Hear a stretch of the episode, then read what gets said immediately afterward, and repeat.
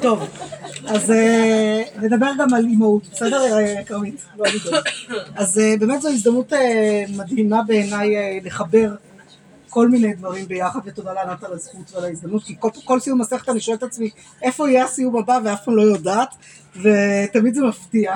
עכשיו ענת אמרה לי, אבל חני, מה גמרא, מה עכשיו, מי לומדת גמרא, אז קודם כל יש לנו כאן, ברוך השם, עוד שלוש מסיימות יחד איתי, אז uh, תודה להדסה ורות ואיילת, שכבר uh, פעם שנייה נוסעות ככה אחריי, מה שנקרא, הדסה נוסעת כל פעם אחריי, לא משנה לאן כמעט. אפילו לחוות אה, עמק היענות. אפילו חברת עמק הלום, וזה לא אחריי. אבל זה גם היה קצת בזכותי. נפגשנו השבוע בחתונה כבר, של תלמידה שלי שהיא חברותה שלה, מהשיעורים אצלנו. בקיצור, אה, אז אמרתי לעצמי, שאלת עצמי, מה אני עושה? סיום מסכת סוטה, מסכת סוטה, רק השם שלה עושה ככה קצת קווץ' בלב לכולנו. אני מודה שגם תחילת המסכת זה היה חלק מאתגר ביותר, בטח כנשים, אני חושבת שגם, אני מקווה שגם לגברים קצת מאתגר לקרוא חלק מהתיאורים המאוד מפורטים שיש שם והדברים המאוד אה, אה, ככה אה, שכתובים, אבל אני, אבל המסכת עצמה, דווקא מסכת יפהפייה, ומה שמדהים בה, שלקחתי ממנה, דגמתי ממנה נושא, אבל זה נושא שבעיניי באמת שזור לאורך כל המסכת. וזה נושא שבעיניי זה שהוא שזור לאורך המסכת, זה אומר הרבה על המסכת עצמה. אז ננסה ככה במעוף הציפור, במבט על, יותר דרך משניות, כדי באמת לא להכביד בשעה מאוחרת בלימוד גמרא שפחות מתורגלות בו רוב מי שיושבות פה, אבל ננסה ככה קצת להבין מה קורה שם, ומתוך זה גם מה קורה איתנו, מי אנחנו מול כל הדברים, אה, או עם כל הדברים, ומי אנחנו כנשים שקצת לומדות תורה לפעמים, אה, יותר או פחות, ומה זה אומר שאנחנו יותר או פחות לומדות תורה, בסדר, ננסה ככה לנסות להחזיק כמה שיותר דברים מתוך הדברים, ומכינה אותו ממי שאני לא רואה כי קשה לי קצת כל הסיבובים.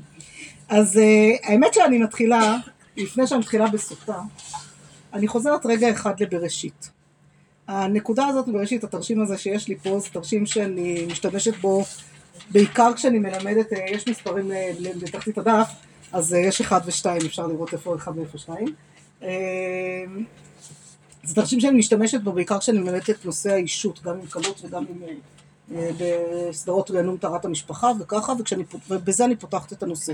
כי כשאני חוזרת לבראשית, ואני חוזרת רגע אחד להכי ראשית שיכול להיות, לבריאה של האדם, ואני קוראת מה כתוב שם רגע אחד, יש עוד הרבה מה לקרוא שם, זה לא לעכשיו, אבל ממש משהו קטן. אז בפרק, בראשית פרק א', ממש בהתחלה, פסוק כ"ב, יש לנו ברכה לבעלי החיים. ויברך אותם אלוהים לאמור פרו ורבו. בסדר, יש לנו ויברך לאמור פרו ורבו. בפסוק כ"ח, כמה פסוקים אחרי, ביום השישי נברא האדם, ולכאורה חוזר על עצמו בדיוק אותו דבר. אבל למה לכאורה? כי אתם יכולות לראות גם את ההבדל. מה ההבדל? ויברך אותם אלוהים, ויאמר להם אלוהים פרו ורבו. מה יש לנו פה?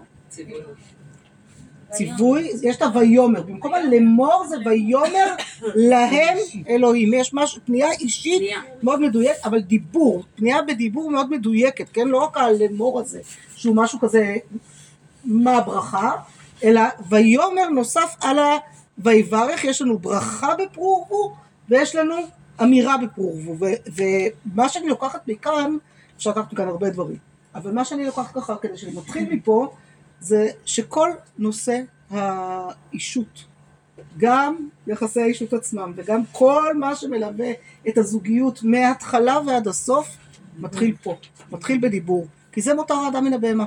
מותר האדם מן הבהמה זה הדיבור. ונראה לי שכשקוראים את מסכת סוטה, את ההתחלה, את החלקים הקשים של ההתחלה, אז אי אפשר שלא לזעוק את זה, שחבר'ה, איך הגעתם למצב הזה, נכון? זה הדבר הראשון שככה עולה, הנה דיברתם על זה, זה, זה, זה, זה, איך הידרדרתם למצב כזה שהוא סוחב אותך לבית המקדש והכהן צריך לקרוע את הבגדים שלך ולבדוק אם את...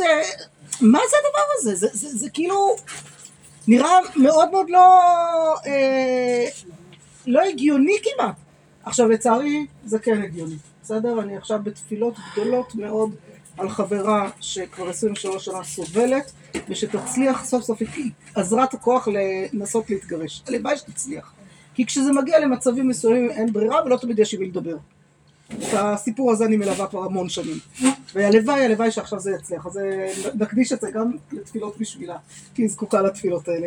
אבל, אה, אבל בזוגיות מיטבית, בדרך כלל עם אנשים שבסדר, שאין להם בעיה מסוימת, הכל מתחיל מהדיבור. אם יש דיבור נכון, אם יש דיבור טוב, זה יתחיל שם. אז מה זה, איזה דיבור? מה מדברים? באיזה שפה מדברים? עכשיו זה נורא מעניין, כי אנחנו היום, כל מי שיושבות פה נראה לי דוברות עברית. נכון? זה פשוט. עברית היא לשון הקודש. לכן מה שעוד רגע נראה במסכת, יהיה ככה, יטמיע אותנו קצת, כי יש כל לשון ויש לשון הקודש. עכשיו, הדסה יושבת מולי, עלתה מארצות הברית, בסדר, אולי דיברת עברית מההתחלה, אני לא יודעת, אבל גדלת על עברית, אני לא יודעת, אבל אה, בגדול אני מניחה שמי שעלתה מאיזשהו מקום, אז יודעת גם מה זה המעבר לשון הזה.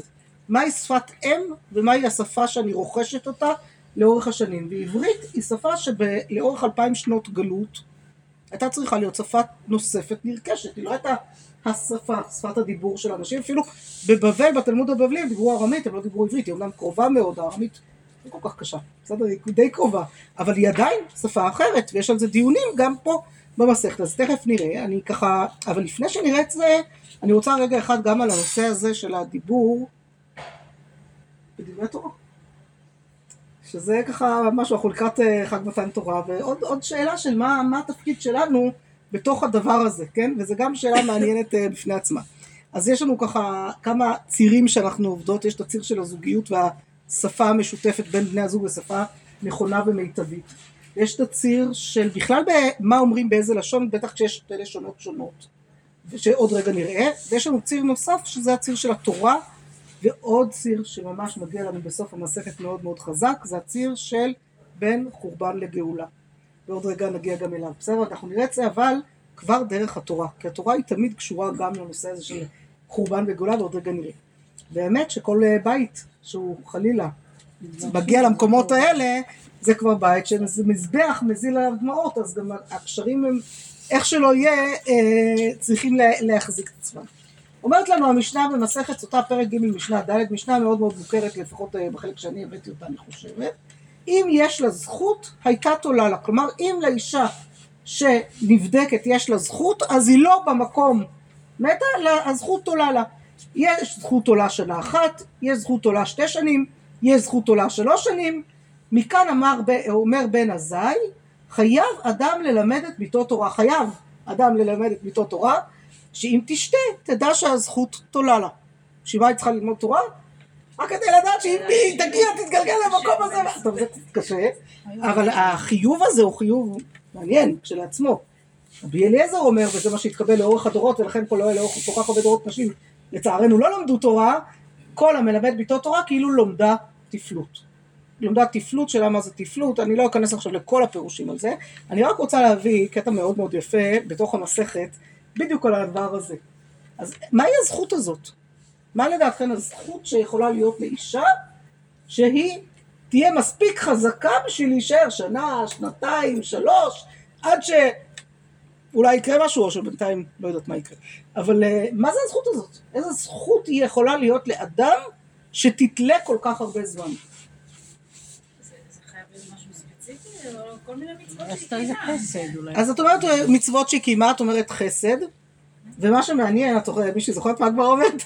לומדים, ו- לא, זה נורא קשה בדף יומי לזכור גם, אה, מקבלים מושגים, אז אה, קשה קצת לזכור, אבל אני אקריא, כי לא הכנסתי את זה לדף בטעות, אחר כך הצטערתי, אבל גם לא היה לי מקום, אז לא נורא. איזה דף זה? מה זה? איזה דף זה? דף כ"א. אז הגמרא בדף כ"א אומרת ככה, זכות דמאי, איזה זכות של מה? דמאי זה של מה? אילי מה זכות דתורה, אם תגיד זכות של התורה שהיא לומדת, האינה מצווה ועושה, אין לה ציווי ללמוד תורה. אז מה פתאום הזכות שהתורה תתלה? אה, אלא זכות דמצווה, כמו שאמרת רות. אבל, אומרת הגמרא, זכות דמצווה ממגנה כולי היי? האם זכות של מצווה יכולה להגן כל כך הרבה, לכל כך הרבה זמן? מצווה היא משהו ספציפי, היא משהו נקודתי, היא לא משהו שהולך לאורך כל הזמן. אה, והתניא והרי שנינו את זו דרש רבי מנחם בר יוסי כי נר מצווה ותורה אור תלה כתוב את המצווה בנר לא סתם אני נדלקתי כאן כשראיתי את זה יש לי בן שנקרא נריה בגלל הפסוק הזה בין השאר ובגלל תחילת מסכת פסחים אז אה, זה פסוק שהולך אותי איתי הרבה כי נר מצווה ותורה אור אה, תלה כתוב את המצווה בנר ואת התורה באור את המצווה בנר לומר לך, מה נר אינה מגינה אלא לפי שעה, נכון נר מעיר מקומית, נכון? אף מצווה אינה מגינה אלא לפי שעה. ואת התורה באור לומר לך, מה אור מגן לעולם, אור קיים. זה משהו הרבה יותר מופשט וגדול, נכון? זה לא משהו שהוא נקודתי. מה אור אה, מגן לעולם? אף תורה מגינה לעולם. ואומר בהתהלכך תנחה אותך, הקיצות הייתי שיחך וכולי, בקיצור, התורה הולכת איתך. לומד את התורה היא הולכת איתך, היא לא, היא לא נעלמת. זה משהו שקונים אותו וקונים, אז צריך כמובן לקנות תורה בדרכים נכונות כדי שתלך איתנו, שזה לא יהיה נקודתי בדף יומי, זה באמת קשה ואני מודה, אני רק קוראת את הדף הזה, אני בוודאי לא יכולה לזכור את הכל, אני מקבלת מושג, אני יודעת שזה קיים, אני יודעת שזה נמצא שם איפשהו, אני אחזור לזה. תכף נגיע לחזור כשנגיע להדרן, בסדר? בהתהלכך תנחה אותך, זה העולם הזה. בשוכבך תשמור עליך, זו מיתה. והקיצות היית שיחך לעתיד לבוא. משל לאדם שהיה מהלך באישון לילה ואפלה, הוא מתיירא מן הקוצים ומן הפחתים ומן הברקנים ומן חיירה ומן הליסטין, ואינו יודע באיזו דרך מהלך. נזדמנה לו אבוקה של אור, ניצל מן הקוצים ומן הפחתים ומן הברקנים, ועדיין מתיירא מן החיירה ומן הליסטין, ואינו יודע באיזה דרך מהלך. כיוון שעלה עמוד השחר, זה האור האמיתי, לא רק האבוקה שהיא סוג של נר, אלא האור ממש ניצל מחיי הרע ומנליסטין, ועדיין לא יודע באיזה דרך מהלך. הגיע לפרשת דרכים, ניצל מכולם. דבר אחר, עבירה מכבה מצווה ואין עבירה מכבה תורה, שנאמר, מים רבים לא יוכלו לכבות את האהבה. אמר רבי יוסף, עכשיו לרבי יוסף אנחנו נגיע גם ממש ממש בסוף, ורבי יוסף, אה, רב, אה, אמר רבי יוסף, כן זה לא רבי יוסף, זה רבי יוסף, המורה הבבלי, שהוא אה, הוא היה עיוור, הוא אדם מאוד מאוד מיוחד, והוא תמיד אמר שהוא מזרעו של יוסף הצדיק. כן, הוא ככה יודע את מקומו, הוא אומר אני, אני יוסף מזרעו של יוסף הצדיק, למה זה ריגש אותי הערב? כי כשהתפללתי ערבית לספרנו עומר, אז, אז אני לא מבינה בספירות יותר מדי, בסדר, בקבלה וכל זה לא מבינה בזה יותר מדי, אבל רואים מה הספירות, וידוע שספירת יוסף זה ספירת יסוד, וספירת מלכות זה ספירת דוד, דוד המלך, בסדר? זה משיח בן יוסף, משיח בן דוד, במושגים האלה אני קצת יכולה להבין משהו, ויוסף זה יסוד, דוד מלכות, ואנחנו הערב סיימנו שישה שבועות בעומר, ששישה שבועות זה יסוד שבמלכות. כלומר, אנחנו מסיימות את ספירת יסוד, נכנסות ממחר לספירת מלכות, שזה כבר השבוע של נתינת תורה, של דוד המלך, של כל מה שקשור לשבועות, ואנחנו נוגעות בדיוק בתפר בין זה לזה, כלומר בין משיח בן יוסף, אנחנו נגיע לזה עוד, עוד רגע לקראת סוף המסכת, לבין מלכות דוד. אז אה, סתם ככה, הנה רב יוסף גם פה נמצא לנו. סליחה שאני... אין בעיה, מעולה. שכאילו, הרי התורה גם הולכת איתנו גם אם אני לומדת עכשיו ספציפית, אני מלמדת אותנו, אני לומדת, זה הולך איתי למשך השנים, ובגלל זה אולי המצווה הזאת נשארת לנו כאילו... בדיוק. כתמיד ולא נכבדת. לגמרי, כי תורה שאת לומדת, את לא יודעת איפה תזכרי בה פתאום. פתאום זה ייכנס. איפה היא תגיע לך פתאום, איפה היא תכניס לך משהו לתוך ה... זה הרעיון. וזה השבילים, וזה. פרשות הדרכים, וזה כל הרעיון של מה זה תורה אור לעומת מצווה ספציפית, שגם היא יש לה ערך מאוד חשוב. היא, היא מנחה אותנו בדרך, אבל היא הנחיה מקומית נגיד. יותר ופחות אה, אה, ארוכת טווח. אמר רב יוסף, מצווה בעידנא דעסיק במגנה, ומצלה בעידנא דלא עסיק בה, הגוני מגנה, אצולי לא מצא. כלומר, אומר רב יוסף, מצווה, בזמן שאתה עוסק בה, היא מגינה ומצילה. אבל בזמן שאתה לא עוסק בה, אז היא אומנם מגינה, אבל היא לא מצילה. כלומר, זה לא עד כדי כך, יש, יש את ההגנה. אתה אדם שומר מצוות, זה משהו שהולך איתך גם כן. זה משהו בזהות שלנו היום, נכון? שמירת מצוות, הבחירה לשמור מצוות, זה משהו בזהות שלנו. אבל זה עדיין לא משהו שהוא מציל אותנו. ההצלה זה רק התורה, כלומר זה, זה גם העיסוק בה מעבר למצווה. זה בעצם העיסוק בתורה. אמ, ואז בסדר, הגמרא שם מתגלגלת עוד ועוד ועוד, אז רגע, אז מה עם הנשים? אז איפה אישה שלא לא מצווה בלימוד תורה? מה קורה איתה, נכון? אז טוב, התשובה של הגמרא היא תשובה מבאסת, אני מודה. בסדר? התשובה של הגמרא, תשובה שנמצאת לנו גם בברכות, גם בזה, זה קטע שנמצא חוזר על עצמו. לא, זה, למה זה מבאס? זה פשוט קטע שאני שנים לא יכולתי לסבול אותו. כי היה לנו, זהו, כשיואל למד בכולל, היה שם ראש כולל, שכל פעם שהוא היה פוגש את הנשים של אה, האברכים, היה חוזר על הגמרא הזאת, מה הגמרא אומרת? נשים, הזכות שלהן, שהן שולחות את בניהם ובעליהם לבית המדרש, ויושבות ומצפות להם, שיחזרו. ממש טוב שלא אמר לי לתקן. אה, כן. אבל, אבל, אבל, אבל, אבל, רגע, רגע, רגע, בואו נעשה רגע סדר. שנייה, בואו נעשה רגע סדר, צריך לזכור דבר אחד. של וזה גם אה, מחזיר אותי למסכת, ומחזיר אותי לכל מיני דברים. צריך לזכור דבר אחד, אמרנו, אנחנו בעידן אחר היום. מה זאת בעידן אחר? הגמרא, בסדר, התורה אפילו ניתנה בזמנים שאחרי החטא, הירידה, הירידה של החטא, ועברו עם שולבך וכל הגלגולים והתוצאות הרעות שיצאו לנו מהחטא. הגמרא נכתבה לאורך שנים, בסדר? כל, כל, כל ספרות אה, ישראל כמעט נכתבה לאורך שנים, בתקופה שבה אצל הגויים תמיד נשים למדו עוד פחות, בסדר? זאת נשים יהודיות עוד יחסית היה להן פוטנציאל, גם גברים יהודים. תמיד אנחנו היינו עם ספר. אנחנו יותר... אה, כמעט כל אחד מהגברים היהודים ידע קרוא וכתוב. בדיוק, מה שלא קרה במקומות אחרים, ואפילו היו נשים שידעו קרוא וכתוב, זאת אומרת, אפילו זה יכול היה לקרות, כי זה עם שחי את הדברים האלה, בסדר? אבל מה לעשות, אנחנו צריכים, צריכות להודות שדברים נכתבו בתקופות אחרות. ולכן ההיגיון היה אז שזה השכר. עכשיו אגב, כשרוצים לעשות מזה צימס קצת יותר, אז ראשי כוללים וכאלה אומרים לבחורים, תדעו לכם, השכר שלה הרבה יותר גדול, כי אתה מקבל שכר רק על כל דקה שאתה לומד, אבל כשיצאת לטלפון, יצאת לשירותים וכל הכאלה, אתה לא מקבל. אבל היא מקבלת שכר על כל הזמן שלא היית בבית. אז זה הדרכים לשכנע אותנו שאנחנו צריכות לשבת בבית. אותי. אבל, אה, אבל, אז זה בדיוק מה שאני מנסה עכשיו אה, לבוא ולומר, שמהצד השני, זה לא הפשט של מה שהתחלנו בו. חייב אדם ללמד את אותו תורה, שתהיה לה זכות, שתתלה בה, כן? והזכות היא זכות של תורה, שמה, כתוב ללמד את ביתו תורה, לא כתוב ללמד את ביתו, ושם הפרשנים אומרים מה זאת אומרת ללמד את ביתו תורה? ללמד אותה מסכת סוטה, שתדע מה, ממה להיזהר, ממה, לאן לא להגיע, כן, אה, מסכת סוטה, רגע שנייה, כן, למדנו, הנה, גם אנחנו שותפות בזה. בסדר, אז, בסוף, מה שיוצא לנו בעצם, שיש עניין, אפילו בחז"ל כבר, בסדר? בתקופה שזה לא היה הגיוני בשום צורה שהיא, שאישה תלמד תורה. שגם אנחנו נהיה שותפות. ולמה צריך בעצם ש... למה צריך בעצם שאישה תלמד תורה? תלמד תורה, לא משנה, אתם לומדים פשוט לומדים יותר טוב. זה יתרון, זה היתרון של מי שמלמדת. אבל גם לומדת. למה צריך שאישה רק אל תלמד תורה? תגידי בשביל לחנך את הילדים. מה זה? רק אל תגידי בשביל לחנך את הילדים. אז לא, אני, אני, לא, אני אומרת ולא אומרת את זה. קודם כל כן, בשביל לחנך את הילדים, תכף אני אגיד מה. אבל רגע, כי זה גם נותן משהו. אבל זה לא, זה, אבל זה לא לחנך את הילדים. דיברנו בהתחלה על שפה. כשאנחנו מקימות בית, השאלה היא, מה אנחנו רוצות שתהיה לש- הלשון של הבית? מה תהיה שפת האם של הבית?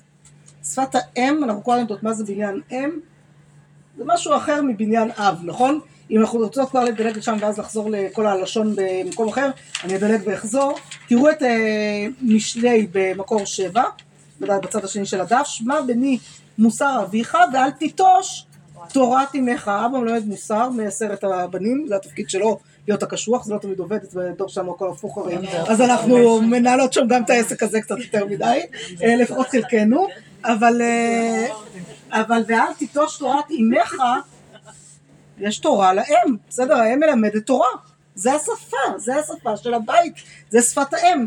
תראו את אה, מצודת דוד, קבל מוסר מאביך, כי בוודאי הוא חופץ בתקנותך. תורת אמך, מה שאימך מלמדך, זה, זה, זה, זה כאילו משהו, בעיניי גם יותר מתקבל. כי נכון, כשאבא אומר, קום לתפילה עכשיו, אז זה היום עושה בדיוק את אמא ההפך. מדברת ללב. לא כשאימא אומרת, יא חמוד, בוא, קום לתפילה בשבילך, כדאי לך, זו תורה אחרת שאתה... עכשיו לא תמיד זה עובד ככה, בסדר? אני צועקת להם, תקומו, אבל בסדר, כן. אנחנו רוצים לקום, אני לא מעירה שום ילד בתפילה אם הוא לא מבקש לקום. זה לא נראה לי נכון אה, חינוכית בכל מקרה. אבל אה, צריך לתת להם אה, זה, אבל מה? צריך לתת להם את הדוגמה. וזה השפה של הבית. כלומר, בשפה של הבית, במהות שלה, יש אבא ואימא ששותפים ביחד, שיש להם שפה משותפת. והבחירה שלהם, שהשפה שלהם תהיה לשון הקודש, להכניס קדושה לבית, אז כל הבית מתנהל אחרת. עכשיו, אני לא יודעת מה, מה היתרון של הילדים שלי לצורך העניין? בגמרא תמיד זה ככה. בסדר? למה? כי יש להם שפה. זה שפת אם אצלם, זה לא שפת אב. שאלו אותי פעם, אה, הר- הרם של אחד הילדים, שאל, תגידי, איך זה, מה, תסבירי לי מה, מה קורה פה. אמרתי לו, מה הבעיה, זה פשוט שפת אם. לרוב מגיעים לך חבר'ה עם שפת אב. עכשיו הגיע לך מישהו בשפת אם, אז זה נראה אחרת, כאילו, מה לעשות? הוא היה קצת בהלם, לא יודע איך לקנות את התירוץ הזה, אבל מה לעשות, זה אמיתי. מה זה? גם היום, בתקופה הזאת, זה כבר נפוץ שנשים... כבר נפוץ ועדיין לא עד כדי כך. אבל שילד... אה, זה. אם אתם רוצות לדעת מה זה שפת אם, סתם אה, כדוגמה לדעת מה זה שפת אם, אז זה סיפור חמוד אה, מהילדות לפני שנים, כשהם היו ממש קטנים, אתם זוכרים אותם עוד קטנים, אז אה, אחר הצהריים אחד, אני אוהבת לאפות הרי, אז אה, אחר הצהריים אחד, הכנתי להם בצק, וכדי להעסיק אותם, בשעות אחר הצהריים זה דבר טוב להעסיק, אז גם יהיה ארוחת ערב וגם זה, מכינה בצק, נתתי להם לעשות צורות לחמניות בצורות שהם אה, עושים, ואז נכנסנו לתנור. עכשיו יואל במטבח הוא בכל זאת בן דעה באנגלי, לעשות, אנחנו לא מתקדמים עד כדי כך, הוא לא מתקרב בדרך כלל, כמעט. מכין חביתה בבוקר, שכוח. אבל מעבר לזה, יש לו את הדרכים שלו. אז לא מתקרב בדרך כלל למטבח. והם ישבו ועשו, ושרה עוד הייתה קטנה והיה לה קשה קצת עם כל הזהו, והוא בדיוק התקרב למטבח, אז היא פנתה אליו ככה, אמרה לו, אבא, אתה יכול לעזור לי לעשות נחש? עכשיו הוא קצת הסתכל עליה ועל הבצק ולא ידע מה הוא אמור לעשות את זה, אבל אמר, טוב, בסדר, לקח את הבצק ביד, ואז יוסף ואלישע קופצים אליו ואומרים לו, היי אבא, אבל לא שטפת ידיים. חונכים טוב. אז הוא מסתכל עליהם וככה בחיוך, הוא אומר להם, עכשיו זה רק בבית שזו שפת אם, כן?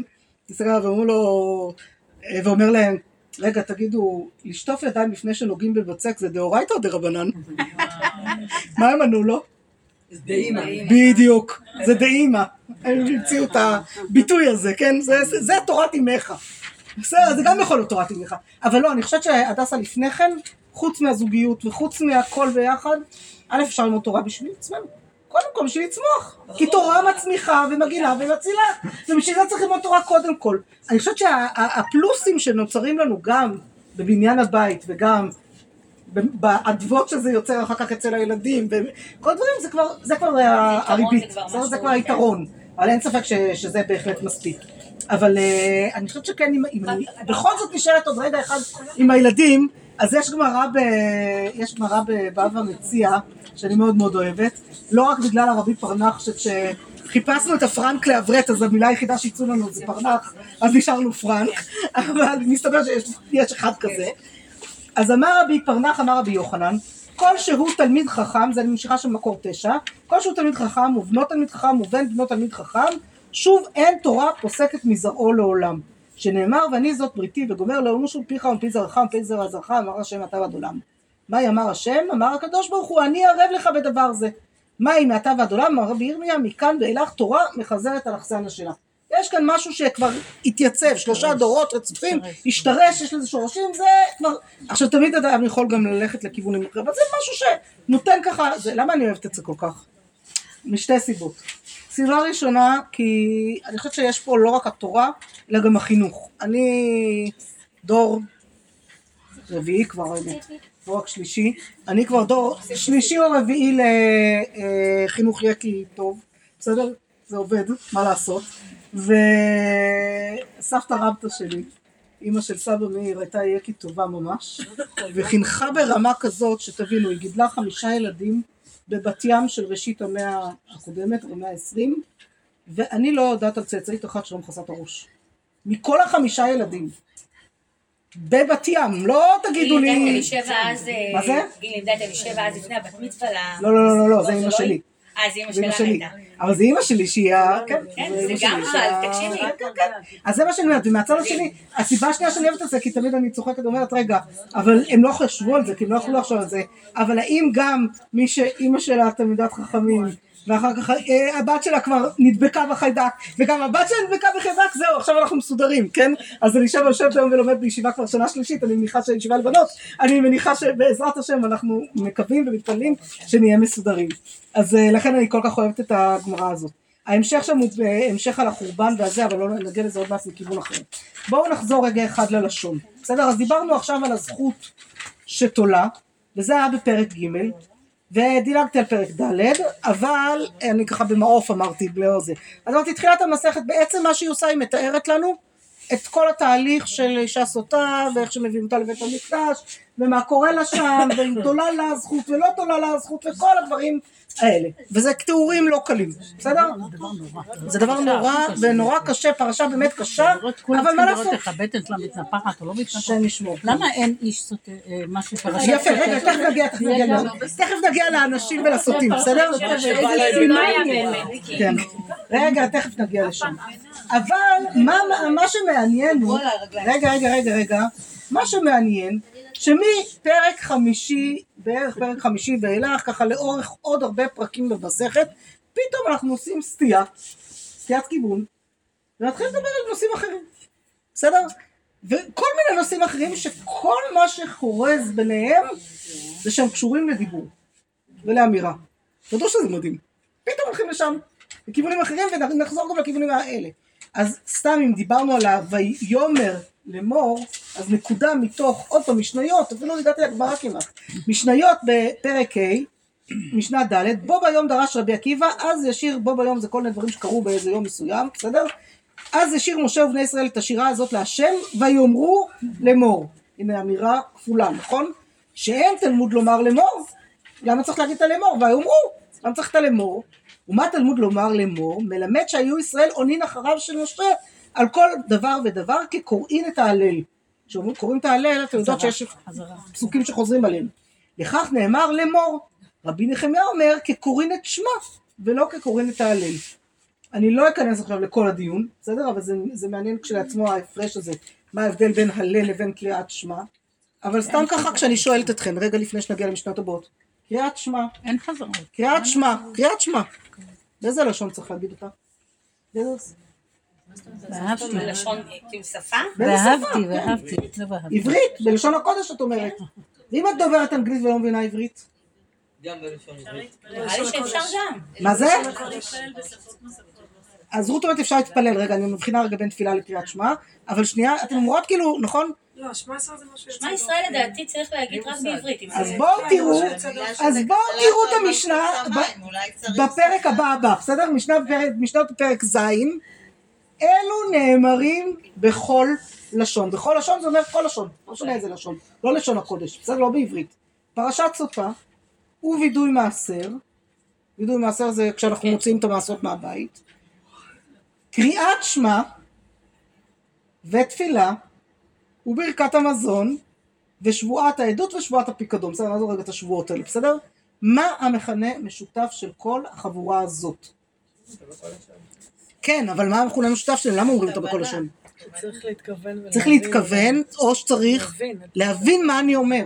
כלומר, יש עניין להבין מה אני אומרת כאן. כשאני צריכה להבין מה אני אומרת, זה צריך להיות בלשון שאני מבינה. עכשיו, מה מדהים בזה?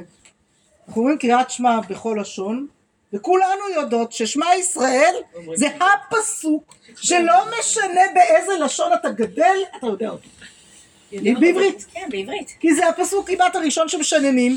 ה- כל הסיפור המצמרר הידוע על, אה, על אה, איסוף מהם. הילדים כן, ב- אחרי השואה, שקוראים שמע ישראל, פתאום צצים ילדים שברור שהם יהודים, כי זה גרסא דאנקותא מגיל שלוש, בסדר? שהחביאו. אותם ורצו לעשות שהחביאו, כן, כן, כן, והנה, וככה הוציאו אותם חזרה, החזירו אותם לעם ישראל. זה, אם זה היה בכל לשון, זה לא מצליח. דווקא בזכות זה שהמשנה לא התקבלה לה- בסופו של דבר, ואיכשהו עם ישראל תפס משהו אחר מתוכה, אז איפה כוונת הלב? אז תבין, אתה צריך גם להבין, אז יש לך לפעמים תרגום כזה למטה או בצד, או כל מיני דרכים, אבל דווקא תפסו את הזה וגם תפילה. אז זה נכון, תחשבו, אדם מתפלל, אם הוא מתפלל בשפה שהוא לא מבין, כאילו לא... אפילו לא, אנחנו לא, כשאנחנו כן. מתפללות, תחשבו על זה, כמה אנחנו מבינות את כל מילות התפילה? צריך להשקיע בזה, צריך ללמוד את זה. הנה, רוצות ללמוד תורה, זה הדבר הראשון שילכו ללמוד, כן? להבין מה אנחנו אומרות, בשביל מה מה- מה אנחנו מתפללות שם. יו, אבל יש גם תפילות, אבל יש גם תפילות, אבל- אבל יש גם תפילות שהן... אבל יש גם תפילות שיש עניין, כמו תהילים למשל, להגיד גם אם לא לא מבינים. משהו נכנס שם בלב בכל זאת. נכון, יש משהו שעובר. אבל עדיין אפשר להגיד את זה גם בכל לשון. בסדר? צריך לדעת את זה. אז מה עוד בתוך זה? פרשת סוטה. למה פרשת סוטה בכל לשון? הכהן מדבר אליה? עוד פעם חוזרים שהיא תדע. כדאי שהיא תבין מה הולך לקרות עכשיו. אם הוא מדבר אליה בשפה שהיא לא מבינה, אז מה הועלנו, נכון? לא כן, אז... לא, אבל תחשבו מסכנה, ותחשבו שיכולים להיות מצבים באמת לא הגיוניים. עכשיו, יש, יש סיפורים כאלה, יש סיפור, אה, וואי, לא הבאתי אותו פה, אבל סיפור מדהים בגמרא, על אה, מישהו, אה, נדמה לי בבלי, שנסע מישהו מארץ ישראל, או הפוך, לא זוכרת מי, מאיזה ארץ היה כל אחד מהם. ויש הבדלים בין, הארמ... אפילו בארמית, יש הבדלים בין ארמית ארץ ישראלית לארמית בבלית. והוא ביקש ממנה משהו, והמילה הזאת היה לה משמעות אחרת, ואחד הביא לו משהו אחר, והוא כעס עליה, ואחר כך הוא כעס עליה, וזה... קיצור, זה יכול ליצור טאקלים די רציניים.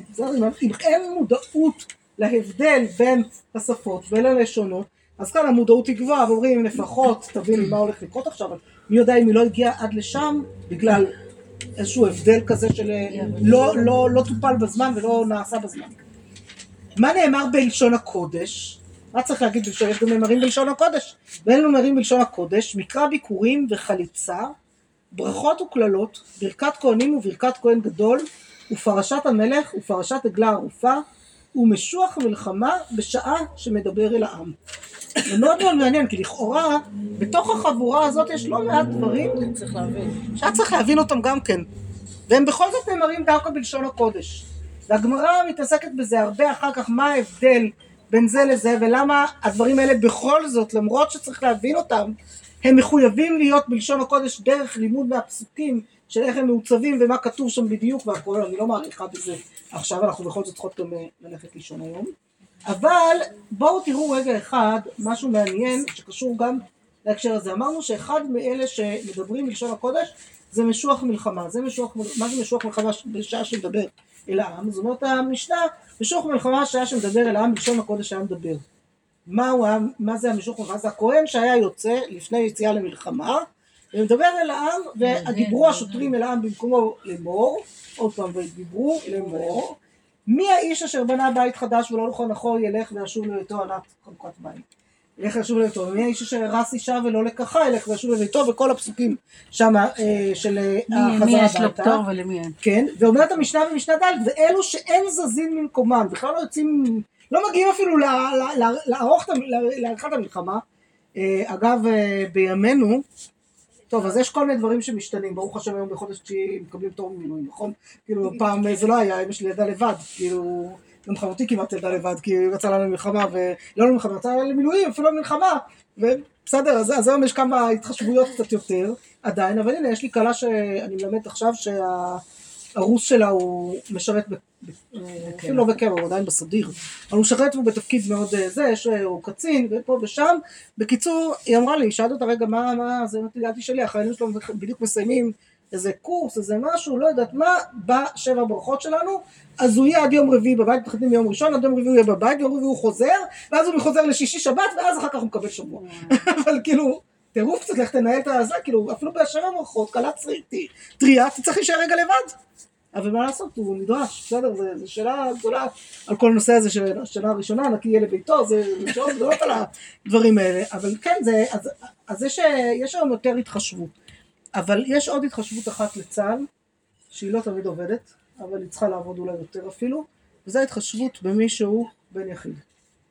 כן, נכון? בן יחיד. עדיין נשאר, לא, זה נשאר וצריך חתימה, אפשר לחתום, וזה אפשר גרוע מאוד. לחתום. אה, לה- להשאיר להורים להחליט? וואו, לא, לא זה. אבל אבא שלי, שיבדל לחיים ארוכים, הוא בן יחיד לאימא ניצולת שואה, ואבא שהוא ניצול תרפ"ט בחברון. הוא היה בחברון בית תרפ"ט, בנס ניצל בשנייה האחרונה, אימא שלו ניצולת שואה, הם הכירו אחרי השואה, כבר היו די מבוגרים, הצליחו להביא ילד אחד לעולם, וזהו, הוא בן יחיד. לגמרי, בלי אחים, בלי עפר, בלי כלום. במלחמת יום כיפור, קראו להם מהישיבה, העלו אותם על אוטובוס. עכשיו הוא ישב, הוא היה חובש, אז גם בכלל היה נדרש הרבה יותר, אבל הוא ישב ליד אה, חבר נוסף שגם הוא היה בן יחיד להוריו, והם ככה לחשו זה לזה, בעצם אנחנו לא אמורים להיות פה כי אנחנו בנים יחידים, אבל מי יגיד אני לא יוצא למלחמה, נכון? מלחמת מצווה יותר, אה, אין דבר יותר אה, זה מזה, ובשנייה האחרונה, רגע לפני שהאוטובוס זז, פתאום עלה מישהו עם רשימה לאוטובוס, מי יורד? והוריד את כל הבנים היחידים מהאוטובוס, כל אלה שהיו צריכים לרדת, הוריד אותם באוטובוס הזה חטף ישירה אחר כך, הרבה לא חזרו משם. ואני אומרת, מה היה קורה? אני מסתכלת על השבט שיצאנו היום, הניצחון של עם ישראל שיצא מהניצחון הזה, אנחנו ברוך השם היום מעל 30 נפש, רק אנחנו מבן יחיד, וזה לא היה קורה. אז אני אומרת, כמה זה חכם וכמה זה נכון. צריך... אז הפסוקים האלה שמדברים על, ה, על המצבים האלה שזקוקים לתשומת לב, נמצאים לנו כבר בתורה, ואנחנו מפתחים אותם לפי הדרישות שנדרשות עכשיו, אבל- נמצאים הם כאן. אז אה, אומרת המשנה גם כן בדיוק על זה, ואלו שאין זה במקומם בנה בית וחנכו, נטע כרם וחיללו, הנושא את ארוסתו, כונס את לבנתו, כלומר אלה שצריכים להיות עכשיו נקי יהיה לביתו אחת, צריך אה, רגע ליהנות גם ממה שעשית. לא רק שעשית ועוד לא הגעת לזה, אלא גם רגע תשרה בתוך הדבר הזה, אבל אז אומרת המשנה, באמת דברים אמורים במלחמת הרשות, אבל במלחמת מצווה הכל יוצאין, אפילו חתן מחדרו וכלה מחופתה. כלומר, מכאן שנשים מתגייסות, כן? סתם, אל תקחו את זה ממני. לא בטוח. כל אחד והתפקידים שלו בתוך המערך המלחמתי הזה. מה זה? תומכות לחימה. לא, לא, אבל את צריכה להסביר את זה. את לא יכולה להגיד, ואז זה לא לא. לזרוק את זה, זה כן. ממש הגיוני. חתן מחדרו וכלה מחופתה, זאת כן, שאלה, נכון? כן, זאת שאלה. זה. זה? אני אמורה הרשות אני חושבת שבאמת לא הייתה ברירה. אבל שוב, אני חושבת שהיום, אני חושבת שהיום לא בטוח שצריך עד כדי כך את כולם. יש אנשים בתפקידים חשובים, נכון, אני לא אומרת שלא, זה- זה נושא- זה מורכב, יש שיעור אחר, בסדר, לא עכשיו, אבל זה נושא מורכב. אמר רבי יהודה, באמת דברים אומרים במלחמת מצווה, אבל במלחמת חובה הכל יוצאים, אפילו חתן מחדרו, חתן מחופתה, יש כאן הבדל בין מצווה לחובה, צריך להבחין מה זה רשות, מה זה מצווה וחובה, לא נכנסת, בסדר? כי הוא פשוט לא נגמר. עכשיו אתם רואות עכשיו למה, ללמוד את מסכת סוטה לקח לנו כמה עכשיו? חודשיים, שלושה, לא, משהו כזה, לא, קצת פחות בעצם, מפסח. 50 יום, נכון, מערב, משבוע לפני פסח, בדיוק ח' ניסן עד עכשיו, כן, בדיוק אה, בשבוע 50 יום. למשל?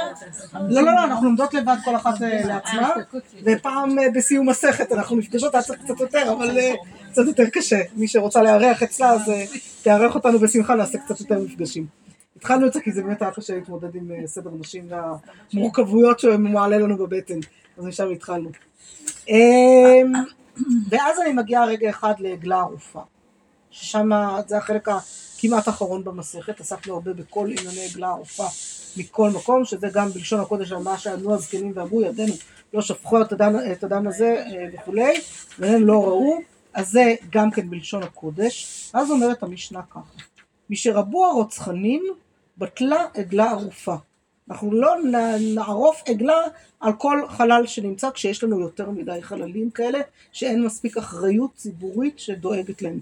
וזה חלק מהעניין, אם יש לנו יותר מדי רוצחים שאנחנו צריכים לטפל בהם, אנחנו בבעיה מוסרית, וכאן אנחנו רוצים לבטל. אז אומרת המשנה, משרבו המנאפים פסקו המים המרים. כלומר אם שאלתם איפה הגברים אז הנה, הם נמצאים. המים המרים זה במי סוטה. אם סתם האשים אותה, יש לו כן, התראה, נכון, ואחר כך עוד התראה, נכון, ואחר כך הם יכולים לגרש אותה, לתת לה גט בלי שהוא רוצה או לא רוצה הוא לא צריך לשלם כתובה. כי הוא לא בסדר. נכון?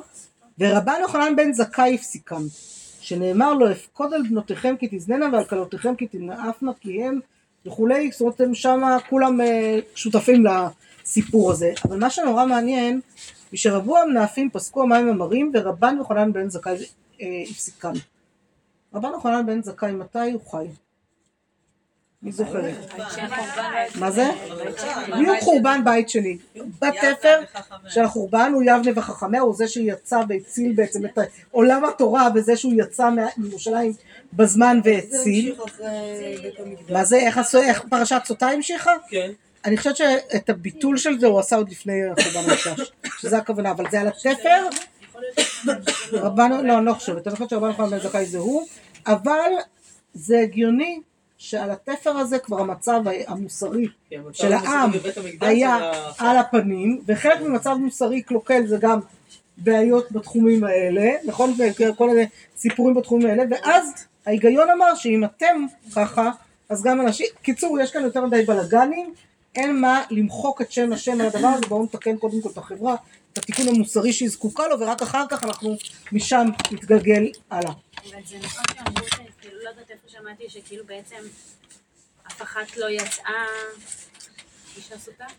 שזה כאילו, לא קרה אף פעם? שזה לא קרה? מה כמו בן סורר ומורה שלא היה ולא נברא? נכון. יכול להיות, לא זוכרת, לא זוכרת את זה, לא, במסכת זה לא עולה ככה, במסכת נשמע כאילו, להפחיד. כאילו? היה, נשמע כאילו זה היה. לא מצב במסכת זה נשמע כאילו הטקס הזה הוא טקס מוכר, וידוע לא, וזה, היה, אז הטקס שיצא אולי היה, שנפחה את נשמתה, אה, לא יודעת.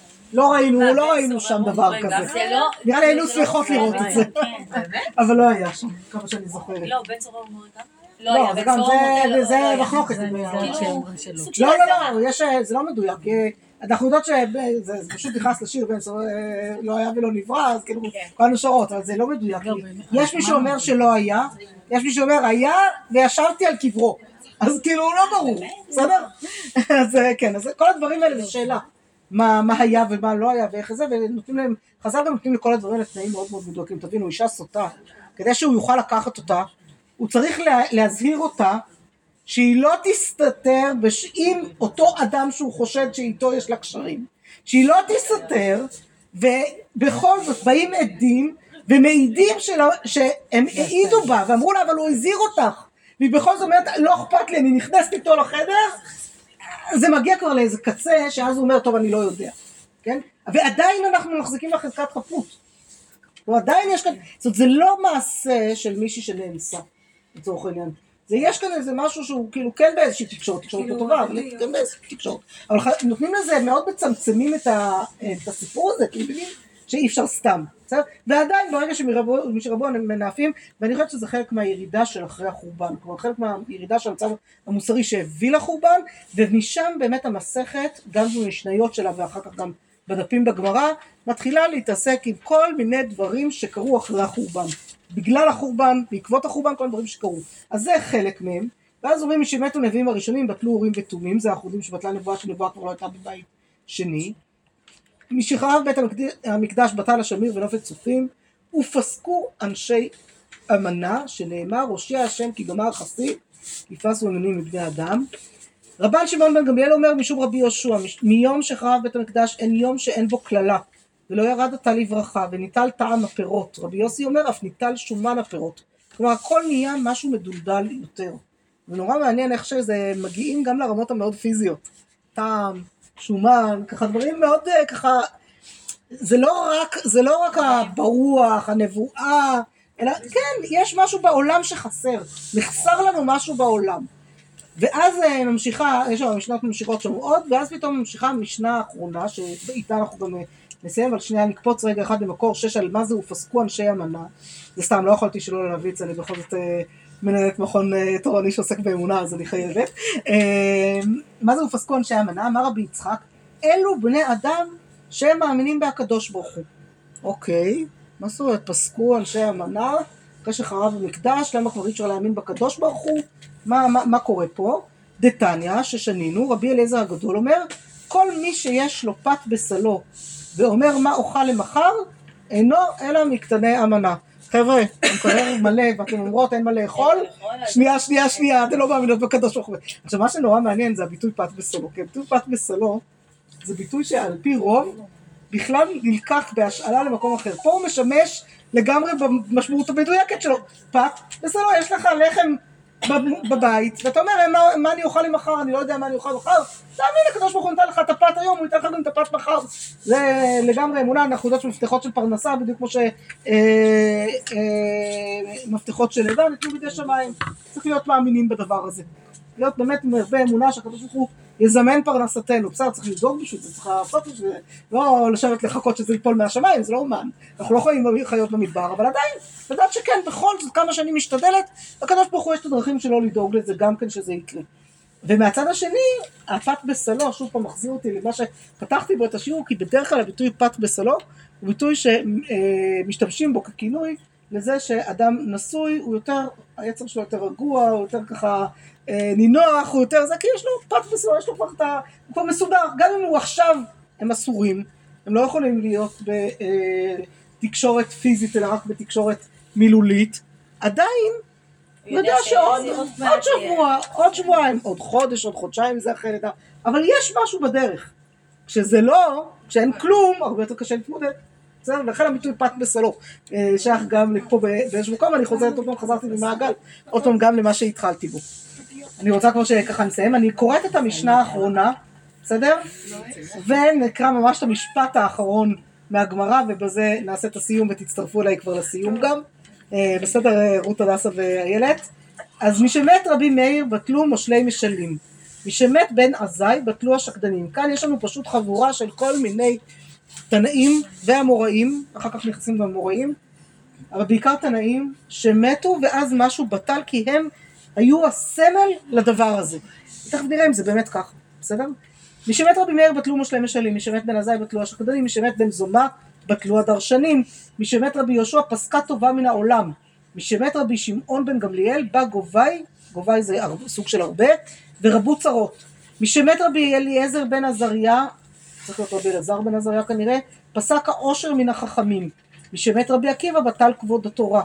מי שמת רבי חנינא בן דוסה בטלו אנשי מעשה. מי שמת רבי יוסי קטנותא פסקו חסידים. ולמה נקרא שמו קטנותא? שהיה קטנותן של חסידים, הוא היה הכי קטן שבהם. ואפילו הוא כשהוא מת כבר, בסדר? מי שמת רבן יוחנן בן זכאי, הנה רבן יוחנן בן זכאי שלפני רגע פגשנו במשנה אחרת, בטל זיו החוכמה. היה בו משהו מיוחד שהאיר חוכמה, לא רק אה, זיו, כן? מי שמת רבן גמליאל הזקן בטל כבוד התורה, ומת הטהרה ופרישות. התכוונת לרבי יוחנן, לא רבי יוחנן בן נכון. זכאי. אה, מי שמת רבי ישמעאל בן פבי בטל זיו הכהונה. מי שמת רבי בטלה ענווה ויראת חטא. תכף נחזור לרבי עם הענווה ויראת חטא. רבי פנחס בן יאיר אומר מי שחרב בית המקדש בושו חברים ובני חורין, ובני חורין וחפו ראשם ימדלדלו אנשי מעשה וגברו בעלי זרוע ובעלי לשון ואין דורש ואין מבקש ואין שואל כלומר יש לנו עדיין רבו, כן, גברו בעלי זרוע וגם בעלי לשון אבל אין מי שמבקש את זה, אין מי שרוצה בכלל לדרוש ואין לנו, על, ועל, על, ואין שואל, על מי לנו להישען? על אבינו שבשמיים. זה הסיטואציה ככה אחרי ה, אה, כל הדברים האלה, החוסר, אחרי החורבן. רבי אליעזר הגדול אומר, מיום שחרב בית המקדש שרו אה, חכימיה למאבי כספריה. הפכו, הותרו החכמים להיות כמו הסופרים. וספריה כחזנה. הסופרים כמו החזנים. כלומר יש ירידה בכל. מחזיקי התורה גם, כל מעבירי התורה. וחזנה כעמא דערא. החזנים פה נהיו כבר כמו עמי ארצות. ועמא דערא, עמי ארצות, עז לה ודלדלה ואין מבקש על מי יש להישען, על אבינו שבשמיים. לא טיפשים עמי הארצות בהקשר. לא, לא, לא, עמי ארצות זה לא טיפשים, זה פשוט אנשים של פחות עוסקים מקפידים. בשלטון אולי או משהו. מה זה? חשבתי שזה האנשים המנהלתיים. לאו דווקא, לא, לא, זה לאו דווקא אנשים, זה לאו דווקא, לא- עמי לא הארץ מקפידים. זה פשוט אלה שלא עוסקים בתורה ולא מקיימים ושומרים. אותו דבר, זה ביטוי. זה ביטוי? בחז"ל זה ביטוי מאוד שלילי, עם הארץ, אבל, אה, אבל זה באמת, אה, דברים חולקים לשתי כתות כמעט, כי תלמידי החכמים, הפרושים, כל אלה היו שומרים, אוכלים חולין בטהרה, זה אומר שצריך ממש לשמור כל רגע ורגע, וזה חתיכת סיפור, ועמי הארץ זה מה שאנחנו כולנו היום, כן, צריך לזכור את זה, כולנו עמי הארץ, וזה בדיוק מה שהירידה פה. השר חזן בזמנו אה, אמר, רצינו להצמיח פה דור של כופרים, וגידלנו דור של בורים ועמי ארצות. שזה גם נכון, אבל זה בור ועם הארץ זה משהו אחר, אני מדברת כרגע על עם הארץ זה המשמעות הפשוטה של מי שלא אוכל חולין בטהרה. זה בעצם ההגדרה הפשוטה של הארץ, זה מי שלא אוכל חולין בטהרה זה גם מי שלא לומד תורה, שלא קשור לתורה, יש כאן איזו ירידה שהיא כוללת. אבל אז המשנה עוברת ואומרת לנו כזה דבר. בעקבות, אנחנו כולנו מכירות את זה, אבל אני בכל זאת חוזרת רגע לכאן, כי נורא חשוב לי רגע לחבר אצל הימים שאנחנו אנחנו היום בירושלים. שנייה לאיפה אנחנו נמצאות עכשיו. בעקבות משיחה חוצפה יסגה, כולנו מכירות את החוצפה הזה.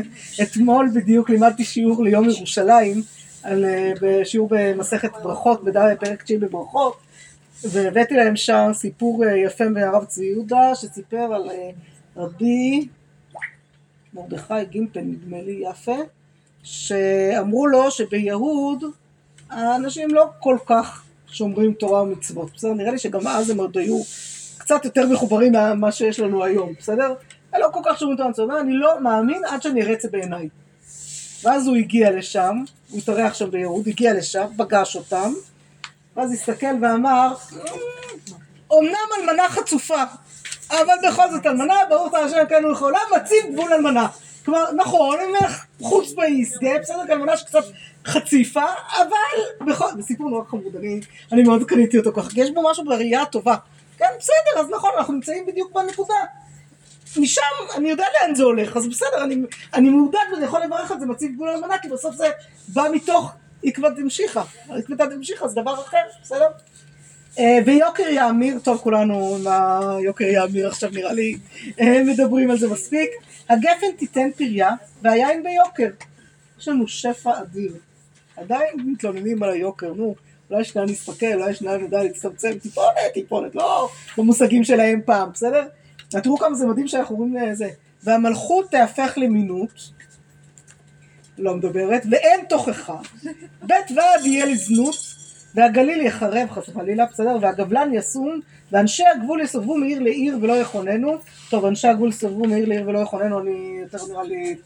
נגיד את זה על כל הפקחי תנועה, בסדר? אפשר לעשות את זה עכשיו אולי, אם כבר. כולנו לא אוהבות אותנו, לראות שהם עושים פרנס לעבודתם, נאמנה. אבל לא משנה, לא חייבים. וחוכמת סופרים תסרח, ויראי חטא ימאסו, אתם זוכרות שמי שמת רבי בטלה ענווה ויראת חטא? אז ויראי חטא ימאסו, אבל יש יראי חטא. הם פשוט ימאסו, זאת לא, פשוט לא... רגע, יש יראי חטא? אבל מי שמת רבי בטל, בטלה יראת חטא, טוב, תכף נראה שהיא לא לגמרי בטלה. אבל לא רק שהיא לא לגמרי בטלה, אלא שכל הדברים שאמרנו שקרו, שירדו, ירדה קרנם, כנראה בעקבתא דמשיחא, יהיו תהליכים שיתחילו להחזיר אותם חזרה. לקראת בניין בית המקדש צריך את התהליכים האלה שמתחילים להחזיר חזרה כל מיני דברים. והאמת נהדרת, טוב הכל אמת נכון? זה פוסט מודרניזם במיטבו האמת נהדרת, אנחנו כבר מתקדמות כן, כאילו דברים הולכים ומתקדמים. ואז נערים פני זקנים ילבינו, זקנים יעמדו מפני קטנים, בן מנבל אב, בת קמה באימה, כלה בחמותה, כל הדברים שאנחנו מכירות, כל הדברים שאנחנו יודעות, אבל עוד פעם, הבת קמה באימה וכלה בחמותה, או בן מנבל אב הכוונה היא שבאמת יש איזה אה, קרבה אחרת בין הדורות. כשחמותי מספרת שההורים שלה היו אלוהים מבחינתם, בסדר? לא פחות. והם פנו אליהם, ממש, טוב, ההורים שלה גם היו המורים שלה, אז בכלל זה אסון. אבל אמא שלה הייתה מחנכת שלה, לא מבינה את הדבר הזה. ממש באמת היה נורא. כזה באמת לא היה לא היה לעניין. אבל מה זה? מחנכת. כן, כן, כן, כן, כן, לגמרי. אבל אמא שלה גם הייתה אימת חדר מורים, לא רק אימת התלמידים. אז בכלל, אבל אמרו שהיא הייתה אישה מדהימה. אבל עדיין. ובכל זאת, כשהיא מספרת את הריחוק הזה, והיא אמרה, אני, איפה הבנתי שהדור הזה שונה? היא אמרה, כשיואל היה בן שש, שבע, לא יודעת, משהו כזה, ילד קטן. ויום אחד היא אמרה לו לעשות משהו, אמרה לו, והוא אמר לה, מי את שתגידי לי מה לעשות? בן שש, שבע. עכשיו, הוא היה ילד טוב, באמת, מכירות את יואל, הוא לא אחד כזה. בדיוק בא להגיד, איך יכול להיות לא, שיואל יגיד חצוף, דבר כזה? בדיוק. היא אמרה פשוט משהו שזורם באוויר, כאילו, היא לא יודעת מאיפה זה בא לה. מאיפה בא הדבר הזה? כי היא אמרה, מה, ככה לדבר להורים? מי מי שמע דבר כזה? אבל זה משהו שבאמת משתנה. ואני חושבת היום על הקשר, אנחנו חושבות כולנו, אני מניחה, על הקשר שלנו עם הילדים שלנו. השיחות שלנו עם הילדים שלנו. השיחות שלנו עם החתנים והכלות, בעזרת השם, למי שכבר יש. זה דור אחר, אז כן, גם כלה יכולה לקום בחמותה כי כאילו את מרגישה חברה. אז את יכולה להגיד לה מה שאת חושבת, היא תגיד לך מה שאת חושבת, היא נמצאת במקום אחר. אבל זה, אבל כן, משהו כאן משתנה כי השינוי הזה הוא כנראה שינוי שהולך למקום טוב, הוא לא יכול ללכת למקום לא טוב, והוא גם שינוי בזוגיות. הזוגיות לא נמצאת פה בתוך הדבר הזה, אבל הזוגיות היא איזה חוט שחורז את הכל. וכשיש יחסים כאלה משתנים בין הדורות ובין הדברים, בטוח שגם היחסים בתוך, משתנה. בתוך ה... ב- בין, ה... בין איש לאשתו משתנים. ואנחנו יודעות את זה, אנחנו יודעות היום כמה זה שונה, נכון? כמה פעם הוא היה אחראי לפרנסה, הוא נתן לה את הכסף, נכון? זה היה זה, כמה, והיא הייתה אחראית שהבית יתפקד כמו שצריך, והילדים יתחנכו כמו שצריך, וכאילו יש כאן חלוקת תפקידים מאוד מאוד ברורה.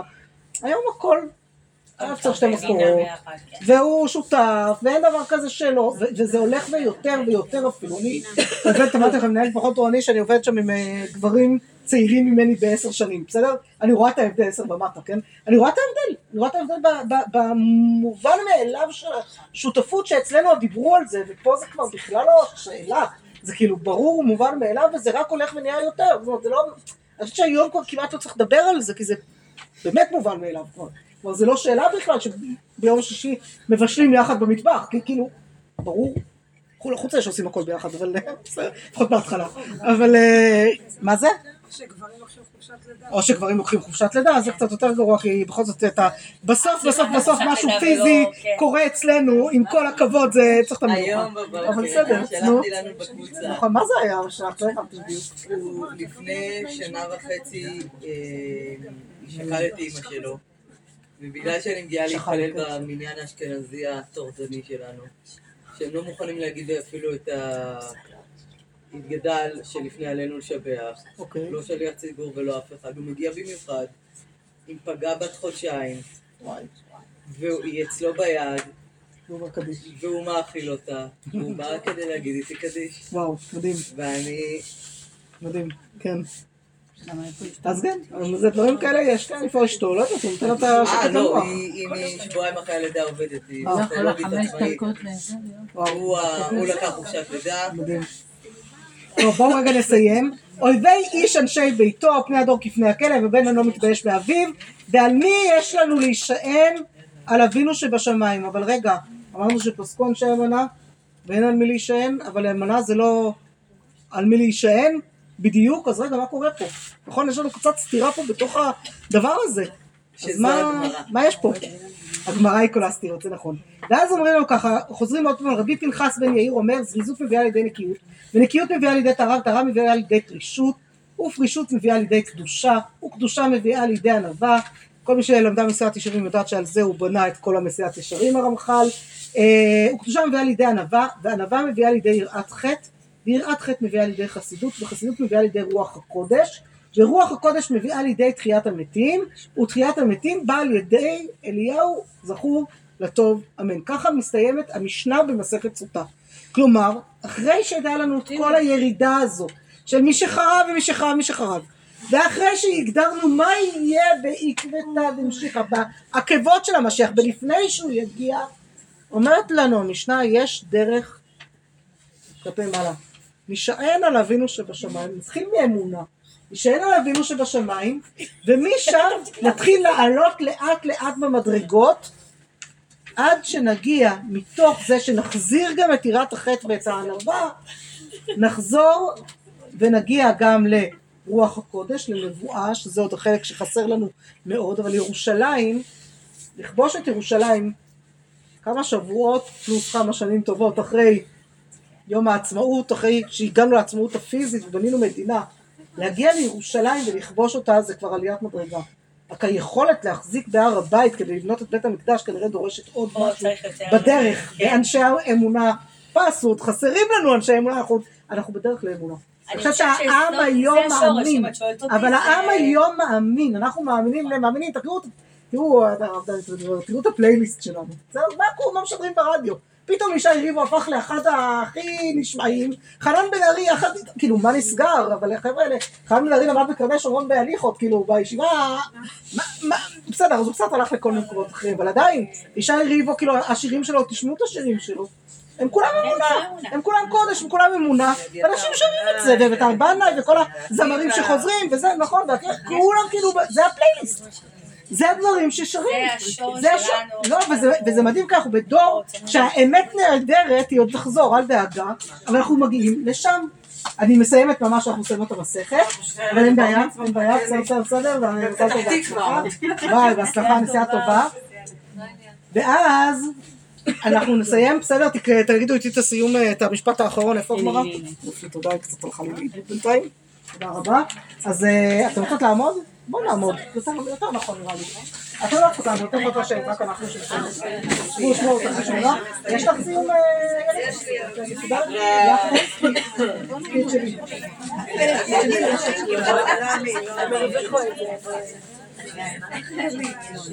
הבת מצווה של אלישבע, מי שזוכרת, תמיד זוכרת בטוח, מצווה של אלישבע, אלישבע סיימה מסכת יחד איתי, והוצאנו מזכרות אה, לסיום מסכת, אז אה, זה- מה שתקוע אצלי בגמרא, זה למטה למטה שם, כן. אין שם, יש שם.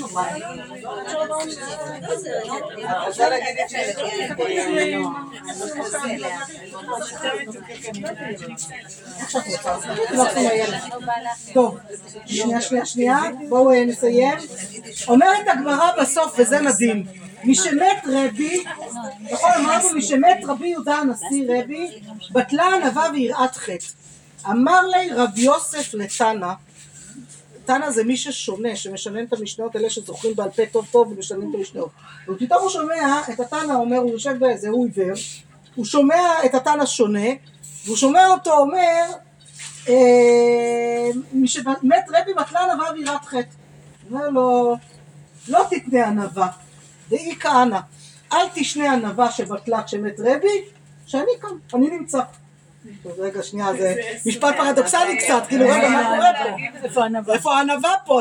אז זה דבר מדהים, אני לא, אני לא אעריך עכשיו במה זה ענווה, ואני חושבת שדווקא כנשים, זה הכי חשוב לנו להבין, שלהגיד ענווה, ענווה זה בעצם, זה לא ביטול עצמי, זה ידיעת ערך עצמי, ורב יוסף ידע את ערך עצמו, ולכן הוא אמר, אל תגיד ש- שבטלה ענווה, אבל אני חושבת שיש כאן עוד אמירה של רב יוסף. יש כאן אמירה שאומרת, רב יוסף אמרנו יסוד, בסדר? מבחינת יסוד, אה, ספר צדיק. יש כאן בחינה, וגם ספר צדיק, אתה יודע בדיוק מי הוא לא זז ימינה שמאלה, נכון? אבל יש כאן בחינה שאומרת, אני, אה, אל תגיד שבטל. יש עוד המשכיות, יש עוד משהו, יש עוד כיוון. רבי ורב יוסף, יש עוד כמה דורות ביניהם, בסדר? רב יוסף אמורה בדור שלישי של האמוראים, זה בערך שלושה דורות, בסדר? משהו כזה. שלושה דורות אחרי רבי, אומר לא, לא, לא, אל תשנה שבטלה. הכל הבטלה, בטלה, בטלה זה מוריד לנו, מאוד מוריד אותנו. ביטול עצמי, ביטול ערך עצמי, נכון? כשאני אומר, אני נמצא פה, אני אומר, יש תקווה. התורה לא בטלה, הדברים המשיכו, יהיה בסדר. ואז אמר לי רב נחמן לתנא, רב נחמן גם כן באותו דור שם יושב, גם שומע, אמר לי, לא תתני יראת חטא דאי כהנא. אני יודע שבעצמי שאני חטא.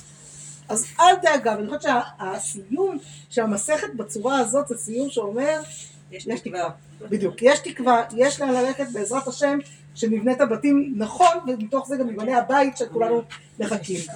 הדרן הלך עגלה ערופה והסליקה לה מסכת סוטה. אז אה, רגע שנייה, אני רוצה שנייה, שוב, בגלל שאנחנו בחבורה של נשים שלא לומדות כבר בדרך כלל. נכון שראיתם, נכון שראיתם פעם את ה... אה, שמעתם כמה פעמים את ההדרן הזה? יצא לכם לשמוע? הבנתם פעם מה זה הדרן? לא. הדרן כן. הדרן, מה זה הדרן? זה החזרה, יפה. הדר זה חזר. בסדר? הדר זה חזר, כלומר אני לא הדרן. זה חזרה. זהו. בימינו מראש? מהאומנים הדרן, תחזור לבמה, תשאיר לנו עוד שיר. בואי לא תסתכלו עליי. זה על אותו דבר, על אותו עיקרון.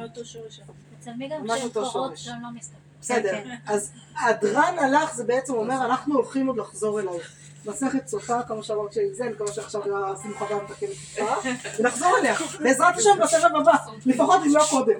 אז אה, כן, יש למה לחזור. הדרן הלך מסכת סוטה והדרך דעתן הלך מסכת סוטה ודעתך עלן, לה נתנשי מנך מסכת סוטה ולה תתנשי מנן, לה בעלמא הדן ולה בעלמא דעתן. כלומר, נחזור אלייך מסכת סוטה ותחזרי אלינו, בסדר?